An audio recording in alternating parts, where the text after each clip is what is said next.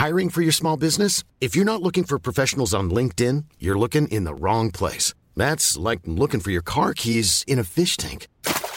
LinkedIn helps you hire professionals you can't find anywhere else, even those who aren't actively searching for a new job but might be open to the perfect role. In a given month, over 70% of LinkedIn users don't even visit other leading job sites. So start looking in the right place. With LinkedIn, you can hire professionals like a professional. Post your free job on linkedin.com slash people today. Mom deserves the best, and there's no better place to shop for Mother's Day than Whole Foods Market. They're your destination for unbeatable savings, from premium gifts to show-stopping flowers and irresistible desserts. Start by saving 33% with Prime on all body care and candles. Then get a 15-stem bunch of tulips for just $9.99 each with Prime. Round out Mom's menu with festive rosé, irresistible berry chantilly cake, and more special treats. Come celebrate Mother's Day at Whole Foods Market. Velkommen til Uno. Vi befinner oss ikke i studio, men derimot i en eh, taxi. Du kan jo si hvor vi er på vei, Fredrik. Vi er i solfylte Manchester på vei til selveste René Moilensten. Det er et navn som uh, kanskje ikke er den mest kjente, men det er et veldig kjent navn.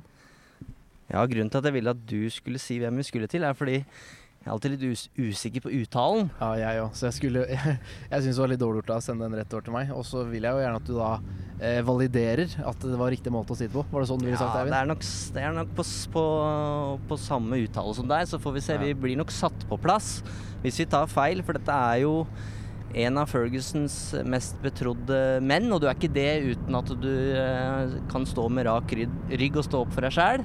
Nei, på ingen måte. Så vi eh, Skal vi spørre han åssen det sies, eller skal vi gå for eh, René?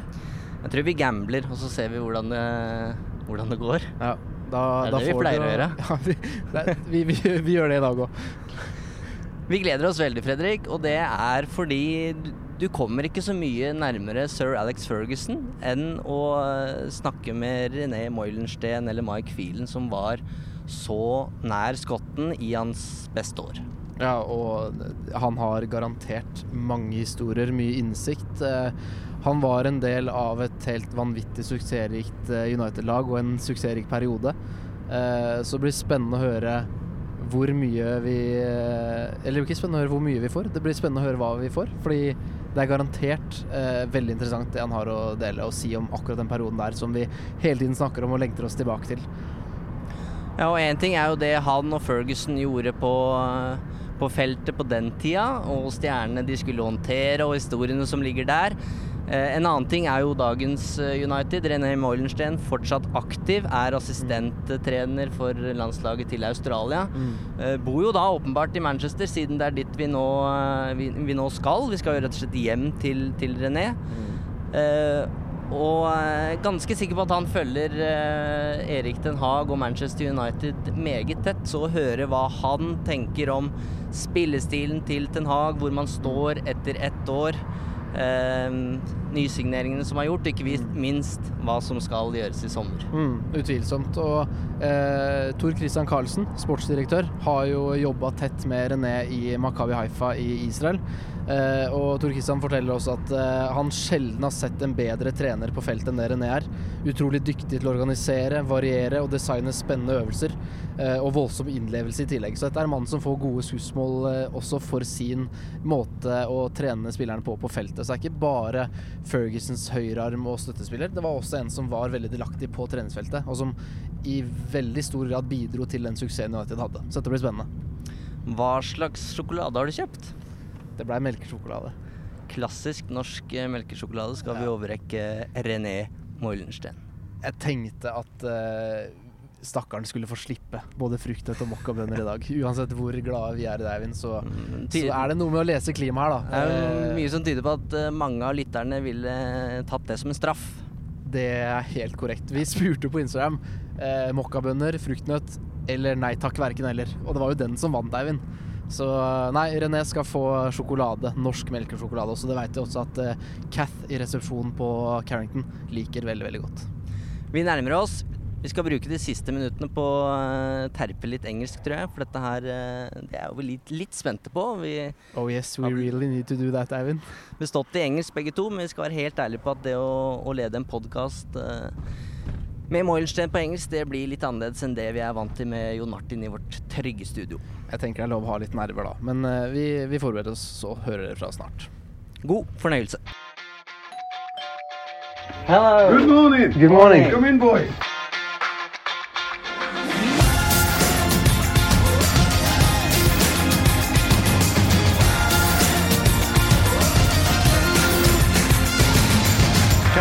Can't. Football, by hell. Thank you so much for having us, uh, René.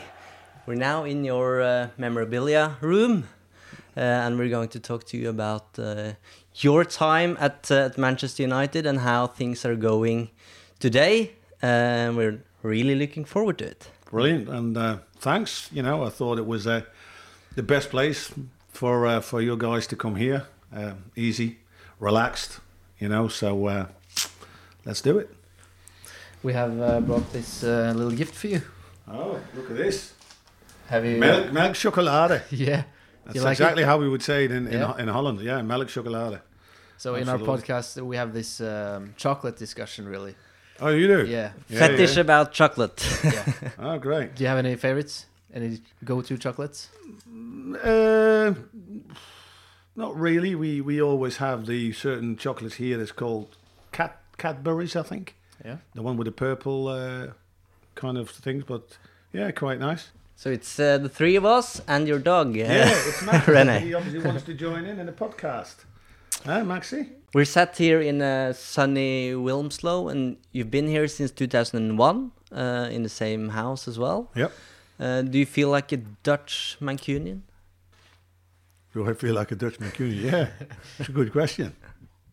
Yeah, yeah, I think I do. You sound like one.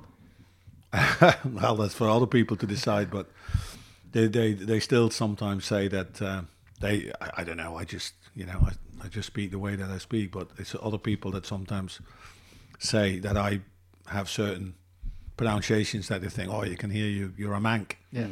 Well, so be it. I'm proud mank then. Yeah. Okay, René, I'm uh, I'm sitting here looking at the picture of you and uh, Sir Alex Ferguson. You're now um, you're you're soon uh, publishing your your second book, um, United Sir Alex and Me. We've seen the cover. Uh, can you reveal what's, what's inside? Yeah, it's it's it's a book long time in the making. I think I believe that um, I've obviously previously brought out uh, a book, but that was more a real coaching book you know, for, for coaches. This one is a is more of um, you know my my story. The story of the book is is about is about United. It's about obviously Sir Alex and me working with Sir Alex, mm. and it's about myself and the journey that I've taken. You know how I got to United, my time at United, and a little bit what's happened after after that. Uh, it, it the reason why because I've got that request so often, and I thought you know, I need to start thinking about it. And like I said, we worked hard on it for over two years in the making.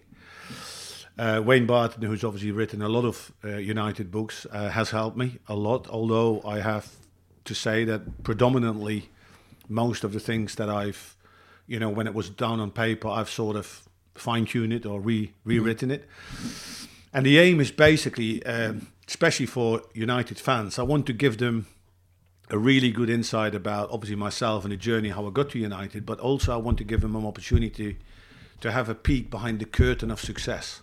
Why was United so successful in and around that period? I think that question is here in the manuscript. Uh. it will, it will, it will come. So we will reveal that, but. That is that is the thing. I want I want people to, to write the book that have a passion for Manchester United to say at the end of the book, well, that was really interesting. You know, I didn't know that, or I didn't know that. That was that was yeah. I can understand now what were the key factors. You know, why United was so successful. That's the stories we, we hope to, to get from you today. Uh, but let's start with the most important question we'll ask you. Uh, how hard did your heart jump when uh, Phelan popped that balloon at Stamford Bridge? It, it, it, ah, Christ. I, I still remember it vividly. because you could see in the clip, I was so because there was so. I think the linesman was in front of me because I was constantly changing to looking to see what's happening, and we were sort of going forward in, in into a, you know into hopefully a good attack, and I had I was oblivious of what Mickey was doing, and he was just obviously saw the balloon, you know, coming towards him, and he absolutely smashed it, and it was the loudest bang you can imagine.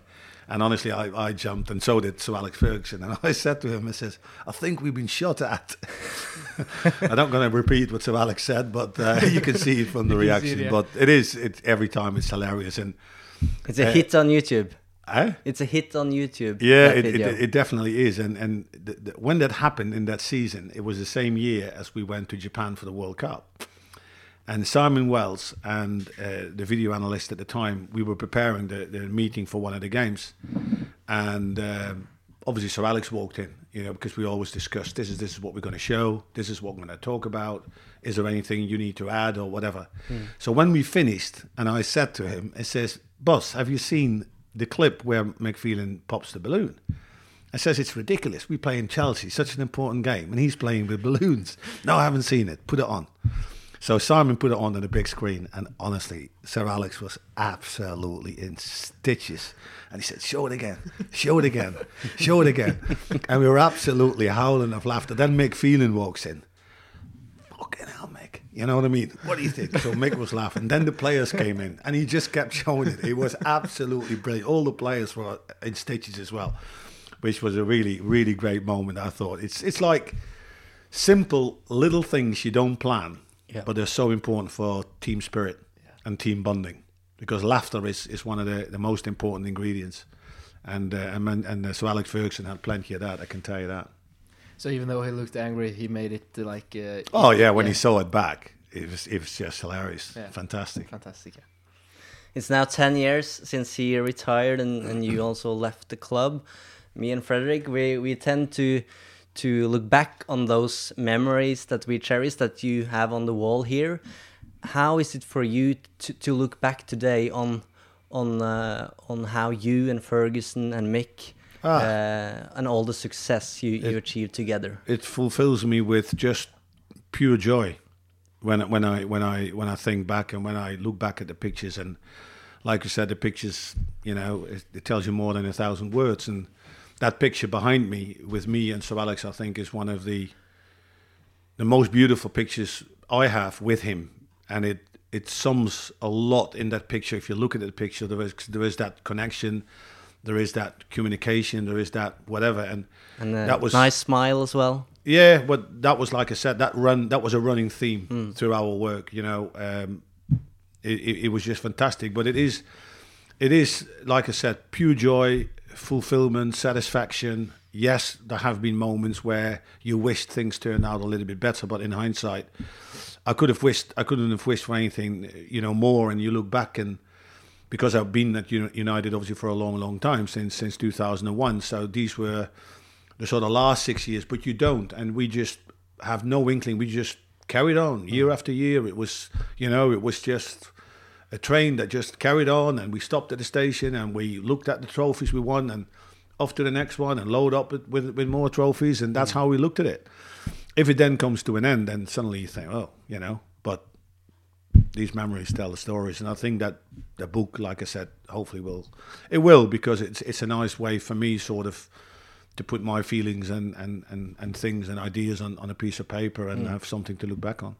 There was obviously a lot of staff members, but uh, but let's talk about uh, Mike Phelan, you and Sir Alex Ferguson. Can you, can you give us some insight into what kind of roles you had? How did you share on the the different um, roles? It was very very helpful when eventually Sir Alex Ferguson made the decision to promote Mick to assistant manager and me to first team coach. Was that he called me in his office uh, one day, and he said, obviously, obviously, Rene, you know, um, Mick's going to be assistant manager, and obviously part of his role was also to look a little bit more after all those players when we had international duties. You know, where did they go when they were coming back, and commercial something I didn't have to do and to bother about, which was great.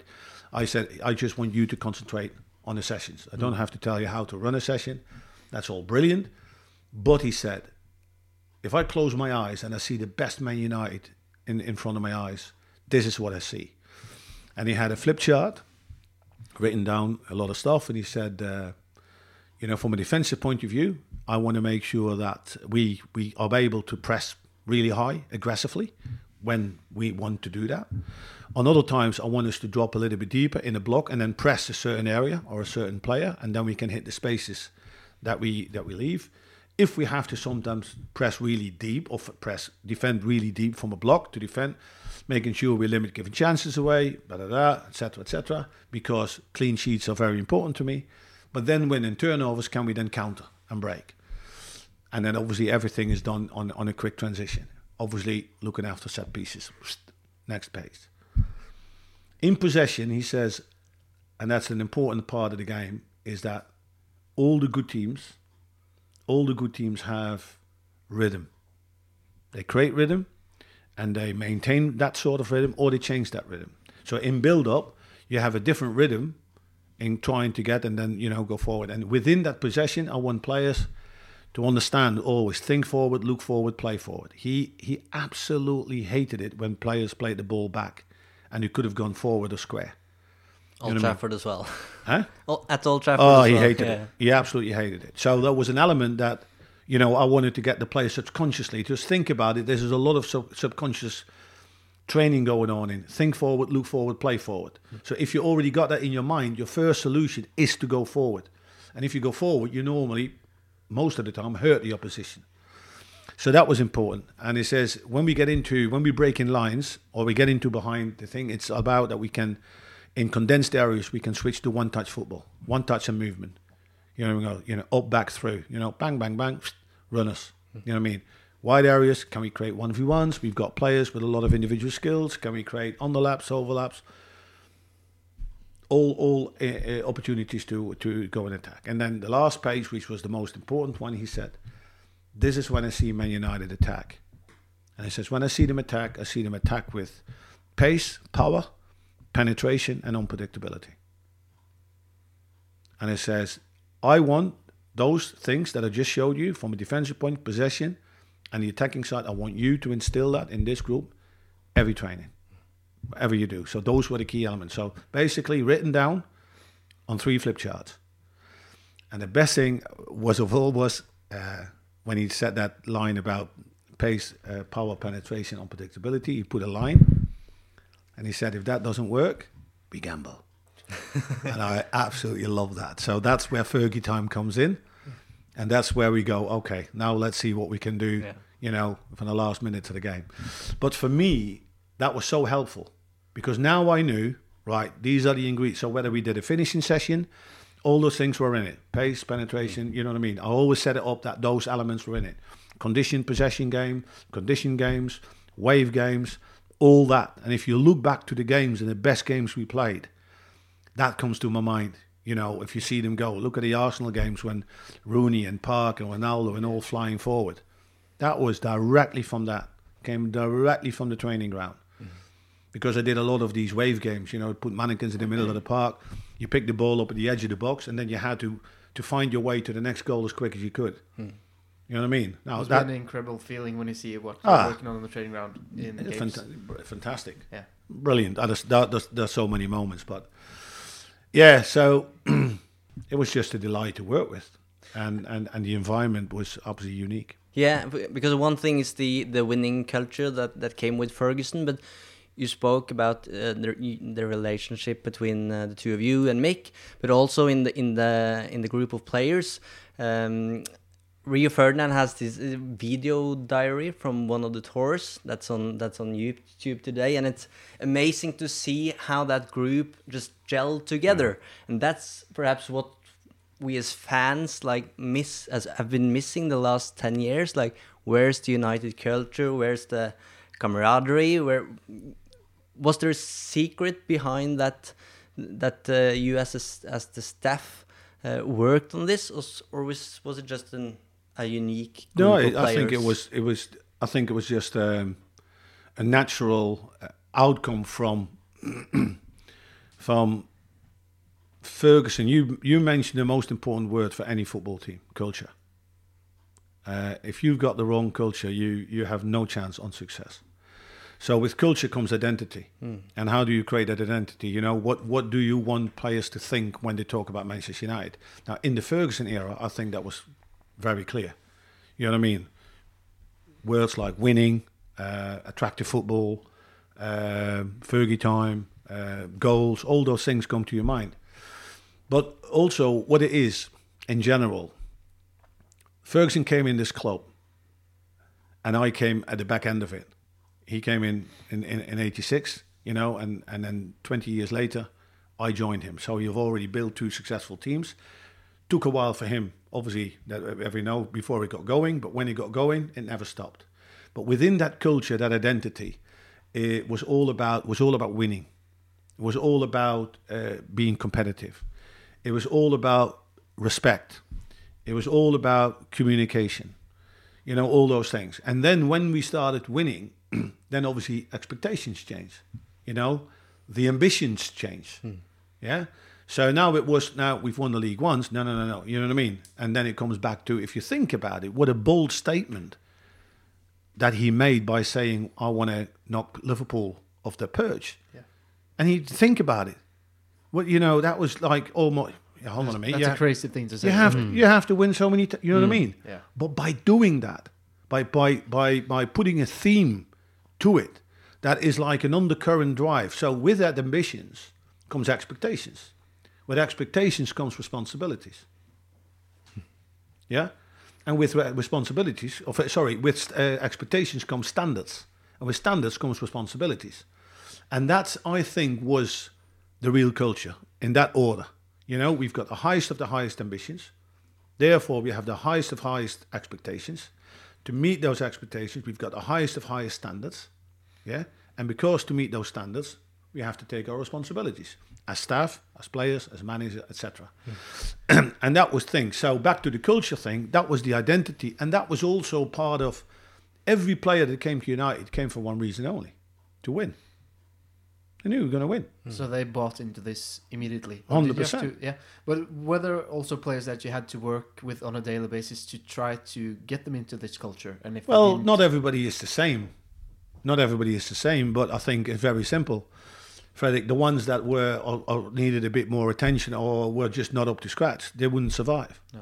They just move on. How long time did they get before they were Oh, they, axed? yeah. Again, different, different to say. Some, some, some have had a little bit more chance than others, but um, But did you see it soon and started working with it immediately, or did they just no, dig their own? No, grave? but you can you you you you know what the standards that the real top players put in there, and that is very very very high, and you can see very very quickly if somebody can yeah, yeah make that switch to it or not, and then if you're constantly underneath, because the, the key is that you can only start eleven players, you know, and then at that time you can only make three substitutions, but Yeah. the substitutions can never be a reason where the quality drops. Hmm. Not not for the teams like Manchester United.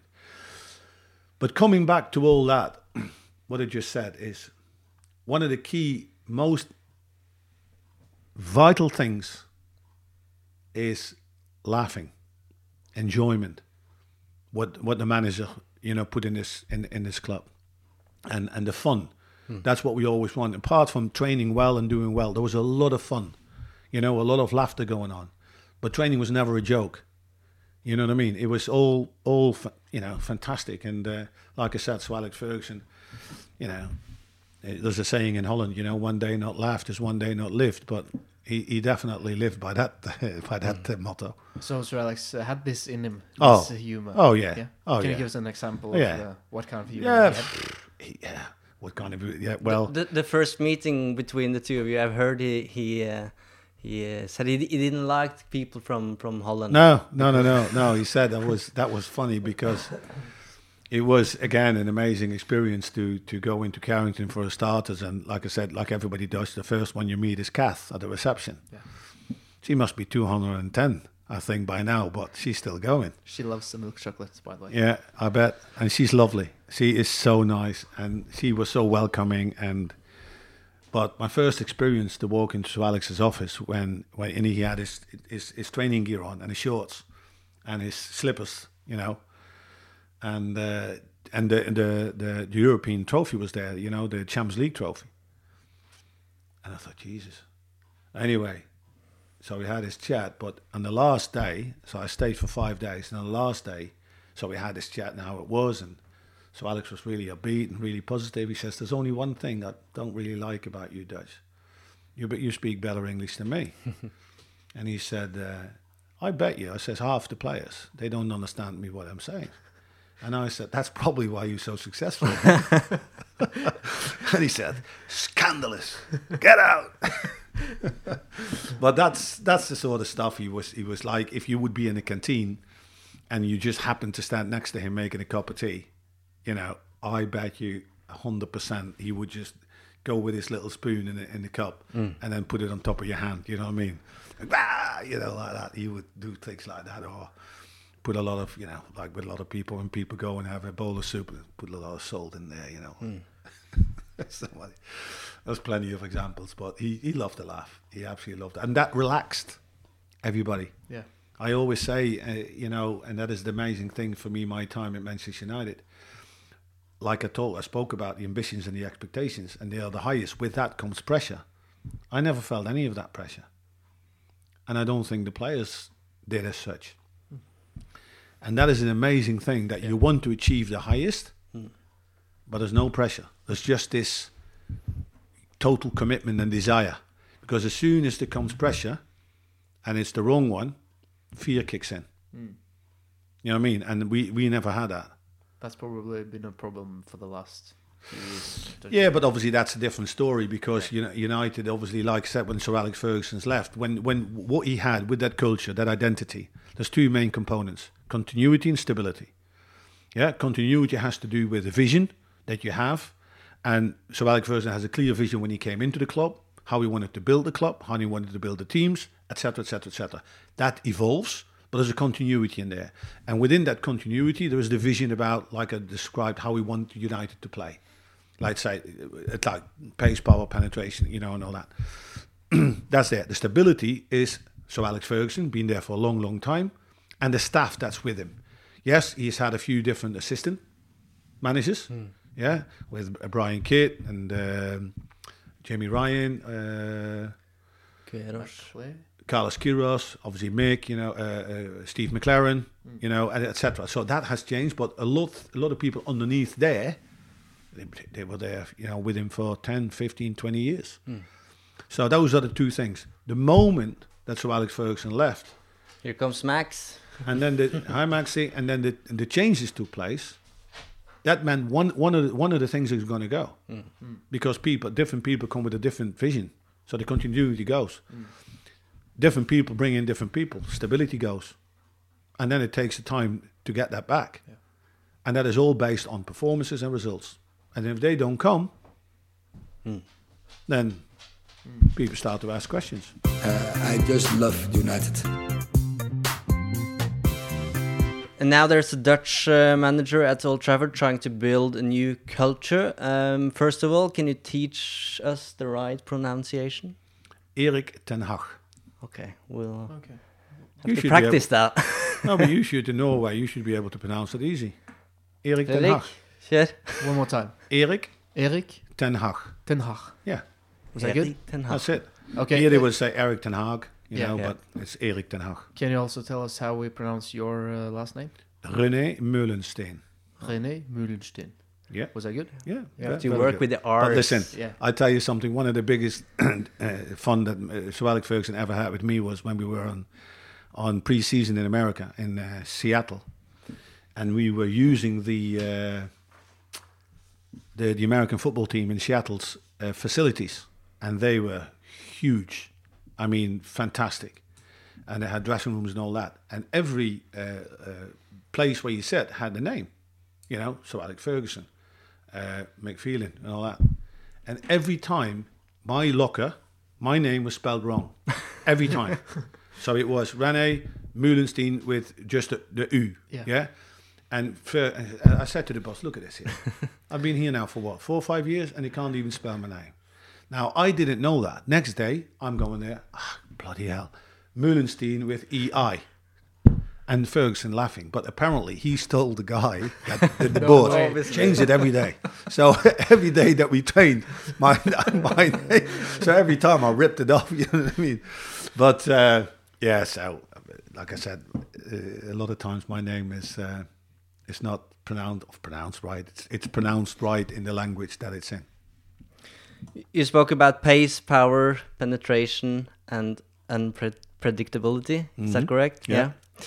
Um, can you see some of that now at Old Trafford with Ten Hag as uh, as a United manager? Yeah, yes, when they and that is definitely th- those are definitely the same ingredients that he has very high uh, on his list. I'm sure, and especially if you look at the teams that he that he that he worked for with Ajax and when they were doing great in the Dutch league and the Champions League, you saw the same things. And and and and when they are turning it on, you know, with Eriksen, with Bruno Fernandes, with Rashford, hmm. with with all those players, you see the same things. There's just this vulnerability still. I feel, you know, sometimes sometimes at the back that they we we always felt like we put it this way when we had performances Ferguson was always very sharp on that we would never drop under a certain line you know whoop, you know what I mean you could you could drop but then okay let's get a draw or let's get a 1-0 win just drag it over the line doesn't matter he always he always emphasized how important 1-0 wins were they're going to win you the championship you know what I mean Yep. uh, and that is, I think, the problem. If you look at this season now for for Erik, it is that too often they've dropped too far. You would never go to Anfield and lose 7 0. Huh? You would never go to Anfield and. No, that you know, well, it's unthinkable. But listen, I can't say too much because we lost six one to City at home, which was which was a, which was a crazy game, and that eventually cost us the league. Hmm. If you think about hmm. it, and hmm. and that was a free game because there was there was nothing in that game. I think it was. What was it at half time? Do you guys remember? 1 0 or 2 0? Something, Something like like that. that, yeah. But but straight after half time, Jonny Evans got sent off. Yeah. You know, and mm. then they scored 3 0 because if you look at them, they, they won 6 1. They probably only had seven shots at target, but every single one went in. Mm. But then we score 3 1 with 10 men. There goes Old Trafford. That's typical Old Trafford. Hey, mm. no problem. We can do it with 10 men. Keep going. And that was the problem where we we were a little bit too cavalier at that day, and we went forward in, in numbers at times, and and every time they broke, they hurt us. It went in. That was the problem. If we would have probably got back to three two, then who knows? You know what I mean? But we should have basically, you know, uh, uh, you know, counted our losses at that time and just said keep it, keep it to three one, and, and and you know whatever, but don't don't go further. And he highlighted that after the game. He says, I I tell you every season how important goal difference is, how important it is to score a lot of goals if you can, but at the same time, I also highlight how important clean sheets are or not conceding goals. And unfortunately, this time round, yeah, it signalled the uh, you know the first was it the first Premier League win for City, I think, with that one one goal difference. Uh, might have been. Don't- was we don't count them. yeah, no, we do don't. but- but but that, that that was yeah, that was it. But do you believe in Ten Hag's uh, sorry um, Philosophy and, and vision, and do you believe he can actually bring the Premier League title back to Old Trafford? Well, that's a bit. That's two different things. yeah, Because the, the, the first first one. one, yes, Yeah. I do think he's a, he's a he's a very good coach. Uh, he wants to play in the right way. I'm sure that his DNA and the way that he wants to play is very similar what United want you know to stand for. So there's absolutely no problem there. The second one is is a different question because that has to do not only with Ten Hag, that has to do with obviously you know the top players and the players keeping performing. What can he add to solidify that that team that it doesn't go, you know, to the thing? Because the one thing is, and and with with Erik is when these things is, you know, don't panic about it. You know, he, he, I think he's he's he manages himself well. He manages himself well in the media. He doesn't overcomplicate things. He's in that respect typical Dutch, as we are. We say it as it is. You know, we're not going to go and manufacture some story, but we just bang, we just say it as it is. And he does that. He does that the same. What he just needs to be really uh, sharp on is that every game, win or lo- win, draw or loss, it's just information. That's what you get. Losing seven 0 from from uh, at Anfield is information, because look at the first half, we should have been two 0 up. Yeah, we don't take the chances. There you are. Second half, for whatever reason, we don't turn up. You give them an enormous boost because they were in a difficult situation, and suddenly everything that goes our way goes in, flies in. Might happen, but that might never happen. In it's information. So what do you do with that information? That has the that's what he needs to gather because that is going to be his blueprint for moving on. You know what I mean? For hmm. moving on to the next to the next season because he needs to get it right. Hmm. Because at the end of the day, for me, Manchester United should always there be the last few games in the game competing for the Premier League title. Hmm. That's what United should be, nothing else. Other, other than that, it's not a it's not a good season unless you are going for the Champions League and maybe winning. Life is full of awesome what ifs, and some not so much, like unexpected medical costs. That's why United Healthcare provides Health Protector Guard fixed indemnity insurance plans to supplement your primary plan and help manage out of pocket costs. Learn more at uh1.com. There's never been a faster or easier way to start your weight loss journey than with PlushCare. PlushCare accepts most insurance plans and gives you online access to board-certified physicians who can prescribe FDA-approved weight loss medications like Wegovy and Zepbound for those who qualify. Take charge of your health and speak with a board-certified physician about a weight loss plan that's right for you. Get started today at plushcare.com slash weight loss. That's plushcare.com slash weight loss. plushcare.com slash weightloss. Denne episoden er sponset av Hello Fresh. Nå som det drar seg mot slutten av en lang sesong, trenger vi United-supportere skikkelig næring. Med gode og ferske råvarer fra Norge gjør Hello Fresh det til en lek å lage de herligste retter fra hele verden. Du velger bare hvor mange som skal spise, og hvor mange oppskrifter du ønsker ukentlig. Så får du alle ingrediensene du trenger, levert på døra. Personlig syns jeg det beste med Hello Fresh er at du kan skreddersy din egen ukesmeny. Du kan velge fra fem forskjellige kategorier. Vegetarisk, familievennlig, rask og enkel, fisk og grønnsaker, og smaker fra hele verden. Med 25 fristende oppskrifter hver uke kan du bli like uforutsigbar på kjøkkenet som Garnaccio er på Vingen. Selv må jeg si jeg er spesielt svak for asiatisk taco og den portugisiske kyllingburgeren. Som Uno-lytter kan du få opptil 1779 kroner rabatt på de seks første matkassene dine, og gratis frakt med første leveranse. Så det er bare å komme seg inn på hellofresh.no og bruke koden FRESHUNITED. Dette gjelder for de som ikke har prøvd Hello Fresh ennå, og for de som tidligere har vært kunde, men som har stoppet abonnementet for minst tolv måneder siden. Obviously, uh, there's a lot to talk about how Manchester United will uh, get better, and uh, regarding the summer, the summer market. What kind of players do you think Ten Hag needs next season to to raise the levels even further? Um, I think they need to. They need to be, getting very clear about. Obviously, I think uh, the goalkeeper situation is is one he needs to start address. Not only because I really like uh, David de Gea, I've obviously worked with him himself. A lot of experience, done fantastically well. People are are judging him sometimes because, like I said, the mistakes that he's made in this season in certain games are so much unlike him. But you have to ask the question, why, why is that? And th- that could be because sometimes you know you can get a bit stale. You know what I mean? Sometimes you need to, you know, um, have a new environment or you know to making sure freshen things up. But I think, you know, that is that's an area we need to look at with somebody that is obviously had the capabilities to handle the Premier League and is capable, very good with his feet, because that becomes more and more important. I still think the back line needs to be addressed, although it's very clear that he fancies Lisandro Martinez, which obviously, you know, which is good because he's been a fantastic defender so far. He's a winner. He's a competitor. Uh, in the left-hand position, um, he's got a few options there. With obviously he's got Luke Shaw there. On the right-hand side, he's played a lot of Varane, but he's obviously older, getting on, experienced, uh, serial winner, knows what it is. It's important in that respect that Varane and Casemiro, those are the two players that bring that ingredient into the club. What we used to have, yeah, it was normal for us winning. That's that's for them.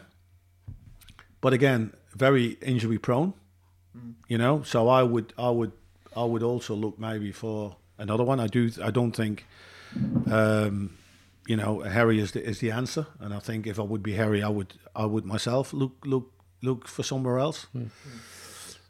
The right hand side, with uh, Aaron Wan-Bissaka or Dalot, two different, complete two different right backs. One gives far more going forward. The other one is very good at defending. But at the, this moment in, in, in time, you need and and players that can do that. Frimpong is being mentioned. Who? Frimpong. Yeah, from Leverkusen, Dutch boy. Uh, Is he any good? He's a good player. He's a good player, but playing for Manchester United, I know I don't know him well enough to to make a, a direct assessment to say, yeah, he, he would fit perfectly well. I would I would see more of him because the key with elder players to come into Manchester United is is that they have to produce that quality. I always used to say to Alex, I say, if we look at players, the thing is this, and you look at two ways to players looking in players, is being and becoming.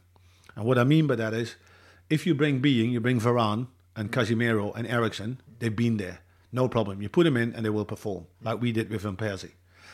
But the structure around that particular time with Sir Alex Ferguson and, and the Glazer family was, we, we, we tend not to do that. We were bringing in players 23 or younger, you know, to them. That's becoming. So they are already being in terms of they're good enough to play, but there's more to come. Yeah.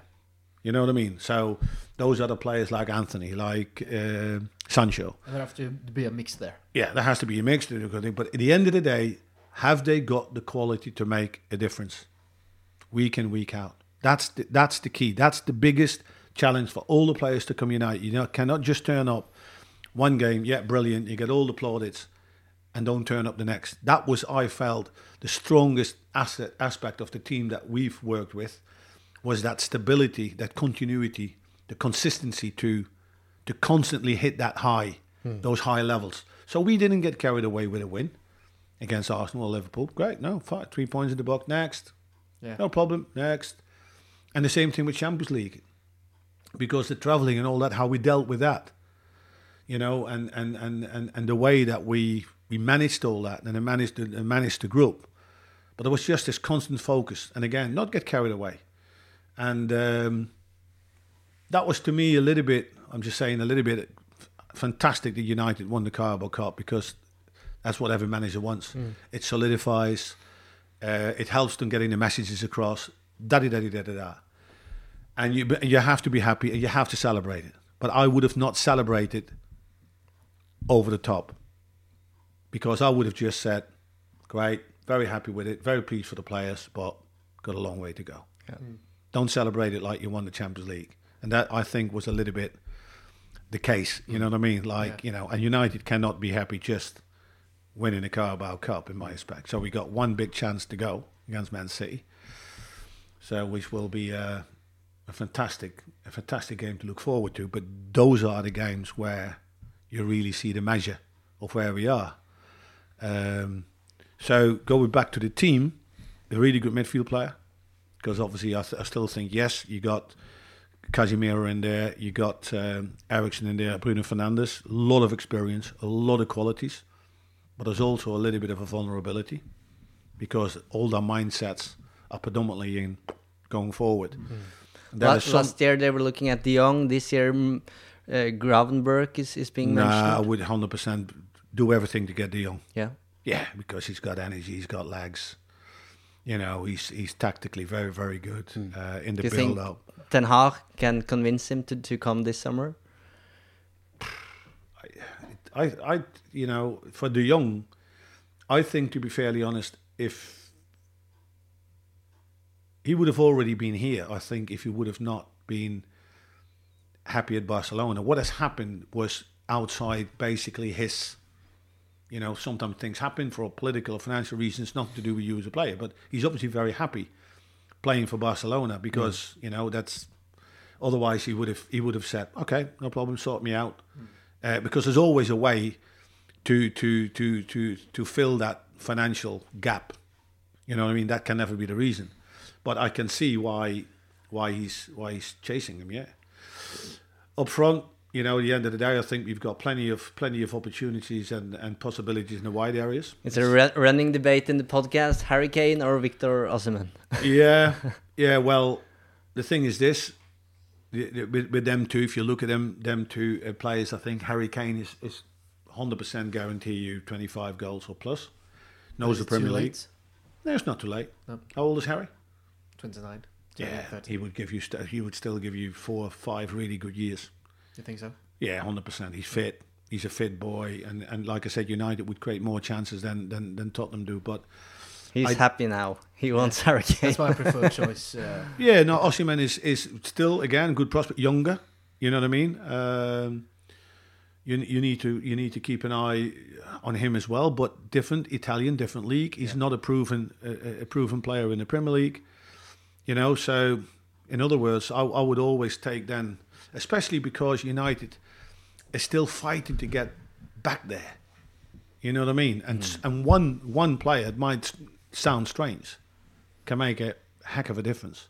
You know, if you suddenly have somebody there, you know, that, and he he can still drop off, you know, the front line. You can players running off him, no problem at all. You know what I mean? Because he's good in link-up play as well.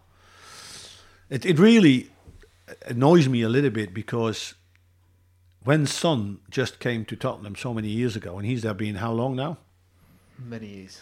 He's, he's uh, Seven, eight Seven, years. eight, yeah, maybe. Yeah. I felt after when I saw him one or two seasons, I thought this this is the player that United need to buy. Mm.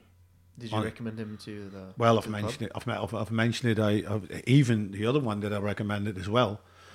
That was obviously you know the story. You know um, that I, obviously when I left United, I did I went to uh, to Anzhi in, in Russia with Guus Hiddink, and then Guus left and I took over. But I had a a really interesting squad with a lot of interesting individuals. Eto'o, Diarra, Samba was there. Uh, Willian. now, Willian, that's the player because um, I actually rang uh, David because they were looking for players, and I knew Willian was a mad, mad United fan. Oh. Because he asked me, he says, "Can you help me?" And you know, da da da da. And I said, "I can make the call, no problem at all." And I said to him, "I says, listen, Dave, we've got somebody here, Brazilian, can versatile, can play any position, up front in the midfield, advanced midfield, commercially, you know, a very good deal as well, but never never injured, great great kit, you know." And uh, then Ryan rang me, Ryan Giggs, after, just to follow it up. And I said, Ryan, if there's anybody that you should know that knows what United needs, then it's me because I've worked with you guys, you know, for so many years. He said, believe me, you'll be great. Anyway, it never materialized because then Tottenham came in, and then the the the, the relationship between the Anzhi owner, Kerimov, and Abramovich, they sort of hijacked and Abramovich. Now then I said, bring him to me. And then at the last day, because I think he was in, in, in Spurs to do the, the medicals, Oh. And at the same day, boom, he went up to uh, to Chelsea. So that was a little bit of a, a one-two between them two. And look at him, and Willian has been outstanding for uh, for Chelsea. And he still is. For Fulham. Yeah, for Fulham, fantastic. I love to see him play. I love, absolutely brilliant. Drives with the ball. He's positive. You know, he's great. And that's a shame. You know, you think to yourself, those players could have, they could have definitely made a made a difference. Going back to to Harry Kane, you mentioned uh, Robin van Persie yourself. Yeah. Just do you think that uh, Harry Kane can have the same impact? Uh, Yeah. On United as Robin. Yeah, did? Yeah. it's without a doubt. Harry is a top top professional. Proved that year in year out. Even this year in a in a difficult situation with Tottenham, he's the most remarkable team in in, in, in in the Premier League this year because they kept losing every week and he still stayed in fifth. You know what I mean? they never dropped the players apart from the last few weeks. But having said that, listening to Harry in one of his interviews, not sure whether that's going to happen. But talking about, you know, that uh, he need to raise the standards and mm. need to connect with the fans, and mm. he has a big choice to make for his own career. Yeah. It is whether to say, listen, I want to become Mister, you know, Mister Tottenham Hotspur, and I'm going to spend the rest of my career mm. here, and fingers crossed, a manager comes in that that could propel us to winning, you know, maybe an FA Cup or doing something. Or he's going to say, listen, I've got another really high quality years ahead of me, five years. I definitely want to go to a club where I've got a chance, you know, to to challenge for the for the for the Premier League or uh, or maybe another trophy. What So was what was your role in the Van Persie signing? Nothing else than uh, because I knew I knew which agency he, was with, and uh, that they, they contacted me one day and said, "Listen, René, uh, just between like say off the record, I know Robin is not going to re-sign for Arsenal. He loves to stay in the Premier League. He's made it clear to us that he, he would love to play for Man United, but especially for Sir Alex Ferguson. Um, you know, what do you think? Could you sound out? So I just ran it. I just ran it by Sir Alex, and I told him exactly what I just told you. And he says, "Mm, you know, a little bit, you know, not sure about it because obviously, again, you know, Arsenal injury record, older player, blah blah blah blah. Hmm. And I says, listen, just you know, don't need an answer now. We, we don't know how genuine it is. You know what I mean? Sometimes players do it, you know, to to to get the profile out there, to get a better deal, or to go to another club. So we don't want that. Forget that. I says I can find out how genuine it is, because if if if it isn't, then we stop it there. Simple. You have to check with what David Gill thinks, and so they had those discussions. I checked his injury record, which was all gone. It was fine because he played all the games, you know, and was very important for Arsenal. A lot of goals, a lot of assists, and um, yeah, I tried to find out as much as I could, and it was he was very honest and he was very sincere, and that is what I got back to to to Sir Alex, and uh, eventually they started to look into it. I've did a little bit of a trick. Um, you know, with some of the senior players at United, like Ferdinand, I would say, listen, if you can pick, you know, him and him and him and him, Mm. you know, for next year, who would you pick? And I did it with a few players. And and, and, and, and Robin came out on top, you know what I mean? So that was that was reassuring from our point of view to say, listen, if he walks through the door, then other senior players go, hey, Yeah. bloody hell, we Yeah. got a, we got another trump card here. And you, you know, I, I also there was no doubt in my mind that that was not going to work because of you know, um, you know, obviously when that all started to come, I had obviously conversations with him, you know, um, and when I saw him in pre-season and I had a chat with him and how is it, and he said, ah, it's chalk and cheese. He says sessions here, like I said, but far more intense, but far more, you know, on top of it, and obviously he, he because at Arsenal, Wenger did still everything or most of it for the training, and he, I- I did- you know, I did it. It's not so Alex. He's just, you know, he's just observes and watches and, and talks to players.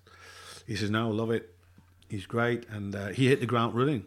If you look at his, his his first season, was absolutely remarkable. Talking about you know straight from the training ground and, and, and proud moments. That goal he scored that won us the league against Aston Villa. Yeah. Yeah. that was straight from the training ground. No way. Really? I'm telling you, and I, I I explain you how we did it. Uh, that was after the session, and I had uh, Rafa and Fabio da Silva. I had Wayne and Scholesy, and I had Van Persie and Chicharito up front, with four four mannequins and at back. So left back, right back, you know what I mean? Yeah. And two, and one of the centre backs was Vlaar, Ron Vlaar, the Dutch boy, Yeah. international, and we know him really well, and Robin knew him really well, and we knew that we needed to create moments when there was spacing behind because he didn't like, you know, balls run, over, yeah. balls over the top. So the exercise, what it was, was this.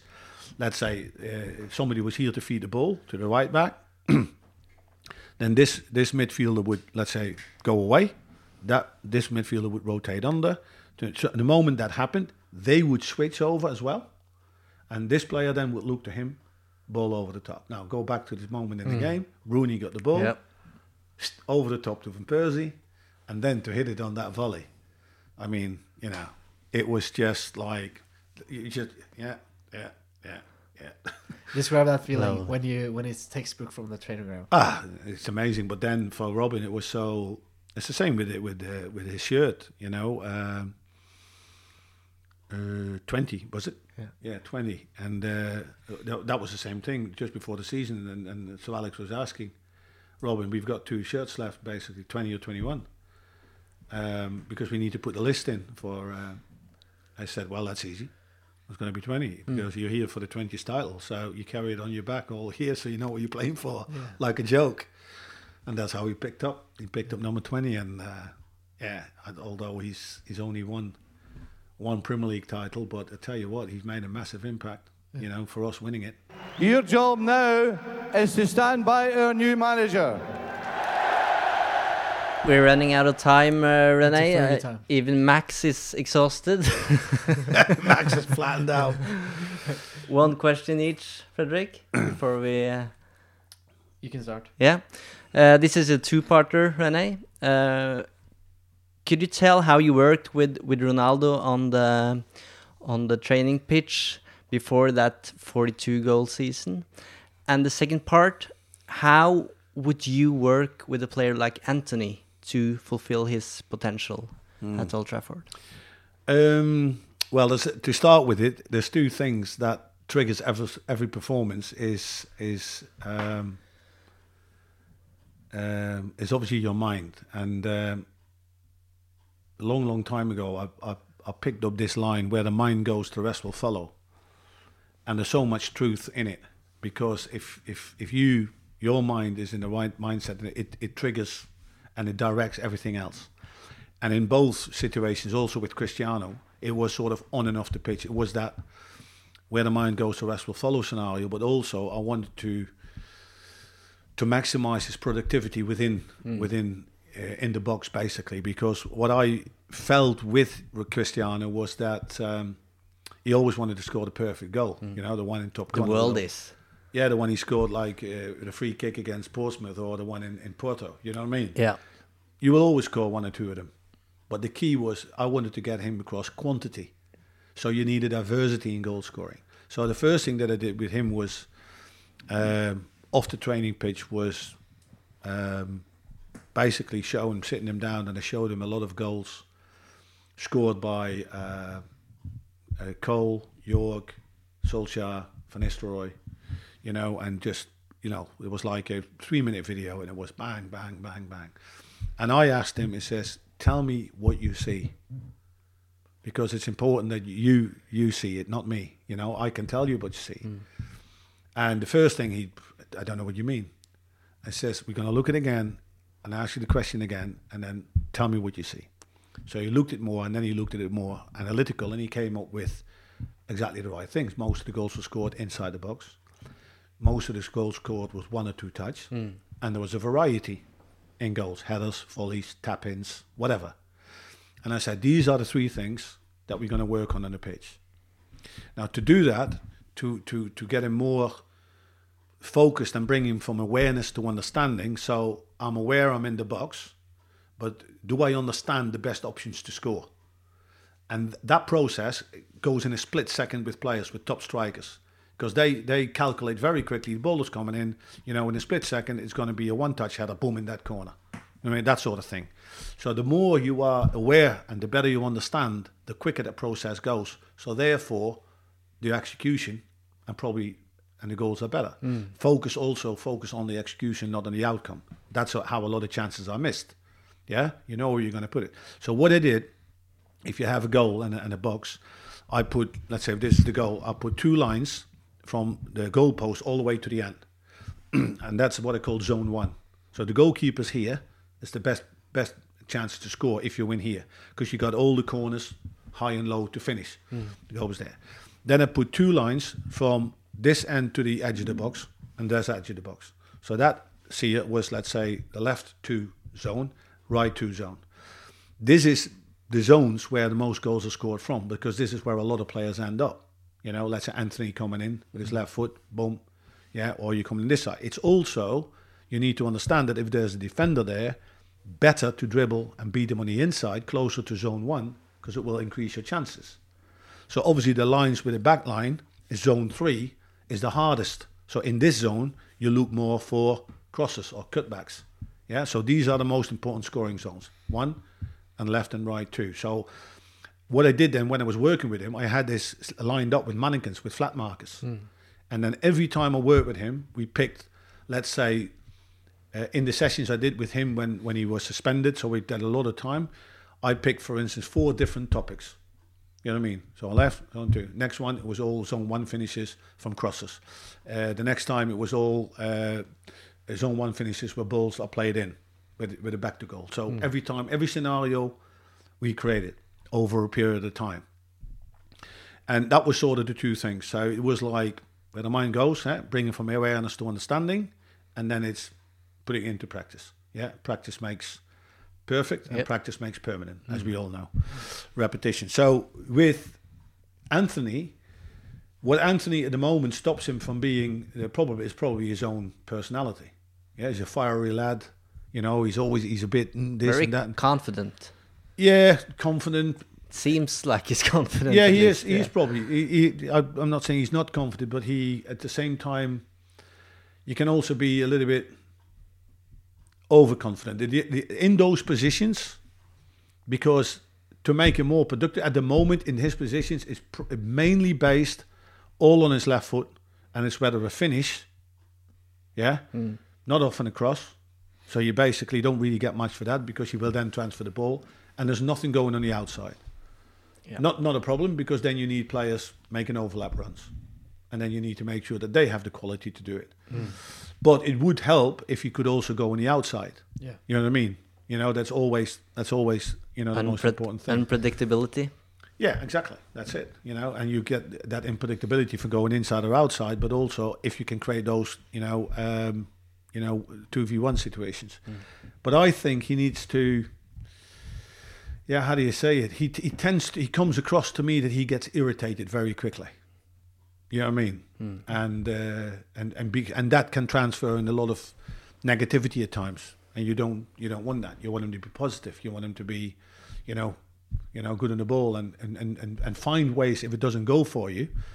Can I play in, for instance, in different positions? Can I come and play more in the pocket and open this space up? You know what I mean? Rather than just stick on the line, because if they stick on a line and you get one defender and another one covers it, basically, you know, okay, just Yeah. then the only thing, the, only option is left, passing it to somebody else, and that's not where his strength is. Hmm. You know, learning him, teaching him to make late box runs when the ball is on the opposite side, to making sure he can score goals at the back post. You know, at times he's too passive. You know what I mean? Because the only goals he wants to score on left foot and, and ping it in this corner. Yeah. You, you understand what I'm saying? Yeah. So sometimes you need a little bit more. But he's obviously a great, great talent, and Erik's worked with him, Hmm. you know, for a long time at Ajax. So it shouldn't, it shouldn't be an issue, in my opinion. This brings me to um, um, what kind of work did you do with the players when it came to the mental aspects of the game? Because you're, sp- you're speaking about his head being too. To all the players. Yeah. What kind of work did you do at the training ground to to work on the mental aspects? Did you do anything? No, uh, yeah, well, sometimes when you work sometimes with, with individuals and, and, and players are all different. Some are very strong characters, some need a little bit more support, this and that and the other. But the mental side is like I said, when I, when I talked about all the sessions had a purpose and a challenge, the challenge a lot of times was mental. You know what I mean? People always talk about, for instance, an example. Everybody talk about Fergie time, but we did we did a lot of scenario football. You know what I what I tried to say with that is that okay, guys, this is it. You guys, you're holding on. You know, you're two one up.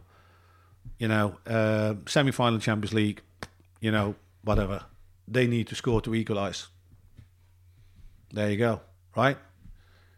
You guys also got a man stand off. So okay, what do we tactically do? You know, to making sure. So those sort of Yeah. tactical challenges mentally. Uh, as well as I have to say, do not underestimate the power of the personality of the manager. If I ask you what when you saw Sir Alex Ferguson in his prime, what what did you see? Desire. Yeah, Passion. passion, confident, you know, winning, you know, Matt. That transpires to the players. Hmm. That was exactly what we had in our players. You know, when I looked at, you know, Rio and, and Vidic, you know, in, in the central defense, you know what I mean? Patrice with his never, never, never ending energy. You know what I mean? And it's striking to see how many leaders that were in that team. Yeah. And It's a good aspect that you bring that up because I think that's also what's lacking a little bit at the moment. A real hmm. leader. Listen again, and there's a lot of discussion about it. I love I love Bruno as a player. I love him to bits because he's he brought straight away when he came in. He brought that what we were lacking. You know what I mm. mean? That quick transition from back to front. Put a little put a little bit of unpredictability in play. Not being afraid to take shots. You know, creating something. But then in the start, he was always playing with a smile on his face. no, he's always not playing with a smile on his face, and I mm. think he doesn't. You know, he, he doesn't need that kind of. There's a lot of again a lot of irritation there at times, and that trans that transpires. You know what I mean? And uh, it's a shame we uh, we don't need that. But um, but the thing, Fredrik as well at that time, the squad was, you know, from itself. And like I said, one they had the strongest leader you could think of. You know what I mean? And we had a lot of you know really strong individuals, you know, uh, especially in the beginning. You had still Gary Neville, you had obviously, you know, Scholes, Giggs. Scholes was just a leader on the ball. You didn't have to no. talk much, but just, you know, you know. So in, in every different ways, you had different kind, mm. different kind of leaders, and they would they would feed each other. They would feed of each other. That was that was the big strength, you know. If they felt, hold on a minute, we are let's let's get this right, they they would be able to. And uh, like I said, when you come to games when it was getting into to, to Fergie time, you know, the late winners that we scored against Aston Villa, uh, Sunderland, um, you know, at home, I just on the top of my head, City with Michael Owen. It was because the players knew they were entering. He's very. Uh, He's fell asleep. Happy, but the players knew because we practiced it. They knew. I always said to them, "Listen, just think it like that. You got eight, let's say, 10 minutes to go, and we really, we really need to put the foot down. 10 minutes plus, let's say, average four minutes extra time. That's 14 minutes. Yeah. Mm. Now, if you're really positive, you should get at least seven to eight balls in the box. Mm. Seven to eight. If you suddenly go a bit more direct and all this, but seven to eight. And and then depending on what we did, you know, in the terms of the changes that you made. So of those chances, one of them needs to be in the back of the net, or maybe two. Yeah. So if you suddenly go to let's say, uh, eight minutes and four minutes extra, it's 12 minutes to go. So suddenly you shoot five or six balls in the box. That's how you wanted players to think. Four minutes to go, plus four minutes extra time is eight minutes. Probably three to four balls in the box. Four minutes to go. We're in extra time now. We still should at least get two balls, two balls in the box at least. You know what I mean? Mm. That's how. The, that's what I wanted players to think. So yeah. what it does, again, back to purpose. They were playing that extra minute or the extra time or the last minute with a purpose, mm. you know, and the challenge of we need to score. So if you if you prepare them for that, they don't, you know, they don't they don't panic. It's the same thing just to finish off with prep- preparation for penalties. You know, I've I've done it a number of times, but and I've always felt everybody that says now penalties are a lottery and all that crap, rubbish. You make it a lottery if you don't prepare. The biggest thing is what what situation are is every player in when it gets to penalties? it's high emotional because you just play 120 minutes and there's no outcome. It has to be decided by penalties. Mm. So what do you want? You want a group that is confident, prepared, relaxed to be ready to go to do those penalties. And that's why I always a big advocate. So when we get to tournaments like we did in the World Cup with Australia, I started right in the beginning. We need to start working on practice penalties. People think it's miles away. It is. But remember, it gets there fairly, fairly quickly. Mm. So every time you yeah. see those penalties, we were always ready. I've always had a list in terms of okay, what would the list look like if all the best players, penalty takers, are still on the pitch? Easy, one to five, yeah, six to ten. Or if we start making substitutions, which are the ones? Be careful that we don't take too many penalty takers out, and who will slot in?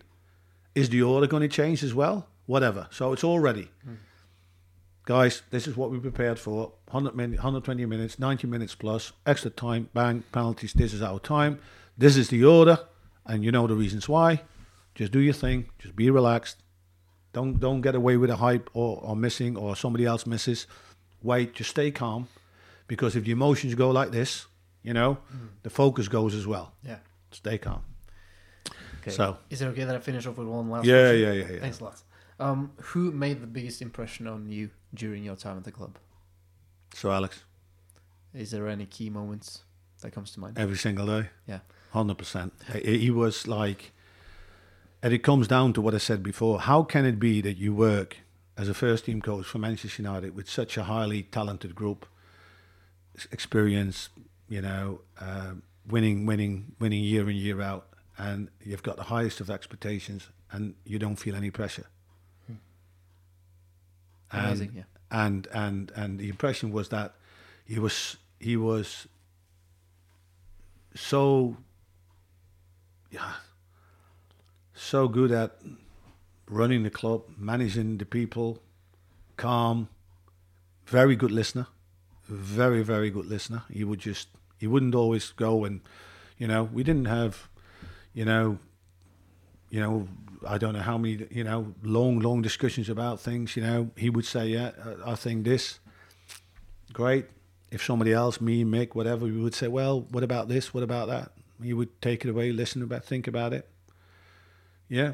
So every hundred percent, without without a shadow of doubt, it's it's enriched me as a person, as a coach, so much. Has been the highlight of my coaching journey, without a shadow of a doubt. Uh, so far, although I have to say that the last experience with Australia at the World Cup was very special as well because you you achieve something um, with a Bafar, you know, in it, let's say a different standard, a different level, but you oh, not overachieve. I think we achieve what we set out to do, but in a different way. But it, it, in in a World Cup setting, which I I thought was absolutely fantastic. Hmm. So yeah, uh, very very privileged, very honoured to to to have served with him. Are you still in contact with him? Yep. Yeah.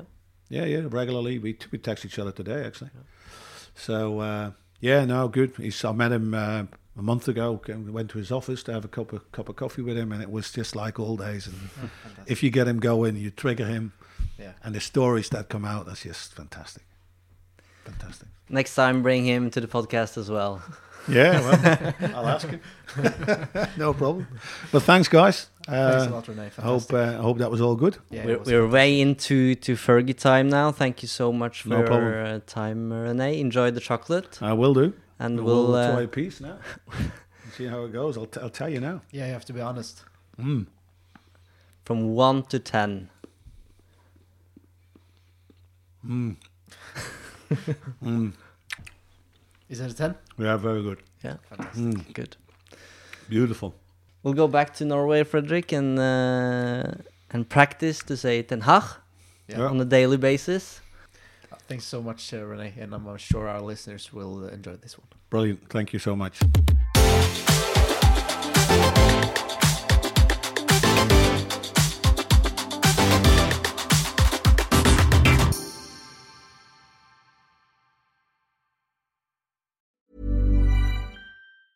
Mom deserves the best, and there's no better place to shop for Mother's Day than Whole Foods Market. They're your destination for unbeatable savings, from premium gifts to show-stopping flowers and irresistible desserts. Start by saving 33% with Prime on all body care and candles. Then get a 15-stem bunch of tulips for just $9.99 each with Prime. Round out Mom's menu with festive rosé, irresistible berry chantilly cake, and more special treats. Come celebrate Mother's Day at Whole Foods Market.